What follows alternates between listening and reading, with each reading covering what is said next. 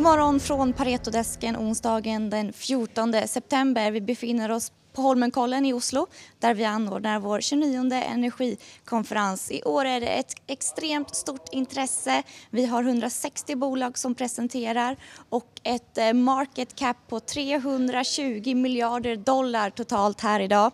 Vi ska snart prata mer om konferensen med Paretos analytiker Kari Eide Hertvedt. Men vi börjar med eh, Wall Street som rasade igår efter den amerikanska inflationssiffran. Den amerikanska inflationen kom in högre än väntat vilket fick börserna att rasa. Inflationstakten bromsade visserligen in till 8,3 procent från årsbasis 8,5 procent i juli men marknaden hade väntat sig en inflationstakt på 8,1 procent vilket eh, börserna då inte tog emot särskilt väl. Vi har ju sett att börserna steg inför siffran. Vi hade hoppats på att den skulle komma in betydligt lägre. S&P 500 stängde på minus 4,3 procent och Nasdaq minus 5,2 procent. Så både S&P 500 och Nasdaq hade sin största nedgång i år igår. Vi lämnar inflationen och går över till energi som går hand i hand kan man säga.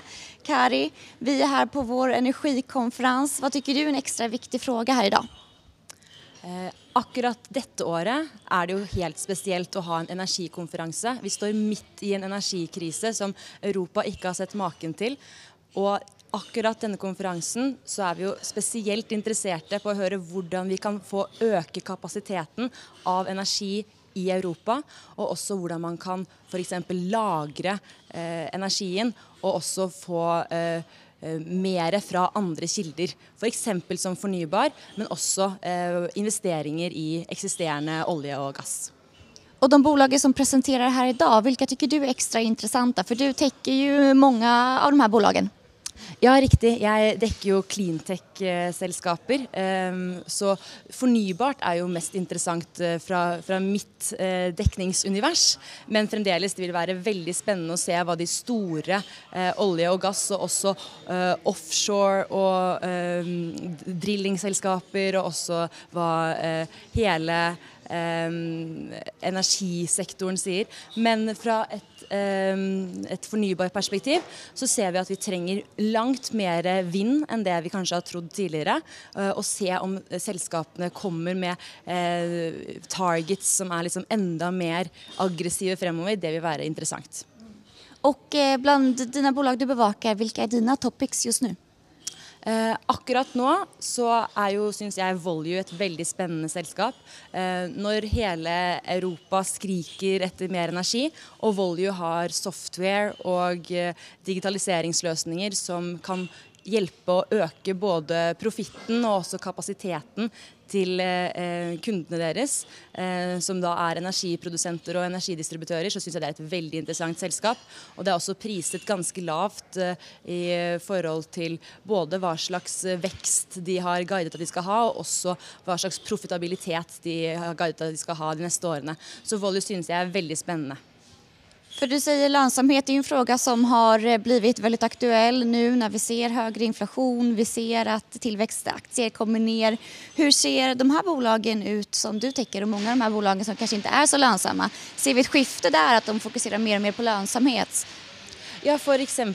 Volju sa jo det på sin siste kvartalspresentasjon, at fokuset fremover skulle være å øke lønnsomhet. Og man eh, ser at eh, investorbasen er enda mer picky på at disse nye fornybarselskapene som har mye inntjening fram i tid, skal vise resultater og vise fremdrift. Så det er også viktig å se etter i dag, på min sektor særlig.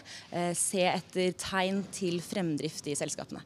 Och hur lyckas de kommunisere kommunicera det? For det er jo lett å love noe, men hur, hur kan man følge opp på det her? Man kan se på konkrete avtaler som er gjort med partners, man kan se på konkrete ordre som er plassert. Man kan også se på eh, konkrete teknologiframskritt. Eh, så ting som faktisk eh, er eh, mulig å skrive ned og tallfeste, det er ting vi ser etter også hos de nye cleantech-spillerne. Du skal jo holde en presentasjon i morgen. Kan vi få et lite smakprov på hva du kommer prate om? Ja, i morgen så skal jeg prate om kjemisk resirkulering. Eh, vi har jo et gigantisk plastikkavfallsproblem. Og samtidig så trenger vi også olje og gass og petroleumsprodukter. Og dersom man kan få plastikkavfall som ikke kan resirkuleres på andre måter, til å bli petroleumsprodukter, så synes vi det er en veldig interessant offering. Og vi ser det er mye investeringer som allerede gjøres, og store oil majors som investerer for å ha stor kapasitet allerede i 2025. Det er bare tre år til, så der ser vi mye spennende som skjer. Så det blir spennende å lyssna på i morgen. I kveld kan man få lyssna på en podcast som vi skal spille inn med Volju som du pratet om tidligere. Hvilke frågor skal vi ta opp i dag med Volju som vi spiller inn i podcasten som släpps ikväll? Jo, der er det jo veldig relevant å høre hvordan deres tjenester kan være med på å løse deler av energikrisen. Hvordan deres tjenester, som da er digitale, eh, kan bidra til å øke kapasitet og også øke eh, Eh, generell flow i grid-nettet. Det er veldig spennende å se hva de kan gjøre for å rett og slett optimalisere eksisterende energiassets. Så håll utkik efter den podden, den släpps i eftermiddag och håll också utkik efter en del livestreams och andra intervjuer som vi kommer släppa under dagen. 16.30 har vi en livestream på Youtube och på Twitter och på LinkedIn så följ gärna med på den och eh, vi säger tack för oss så länge så hörs vi om en stund. Tack! Tusen tack!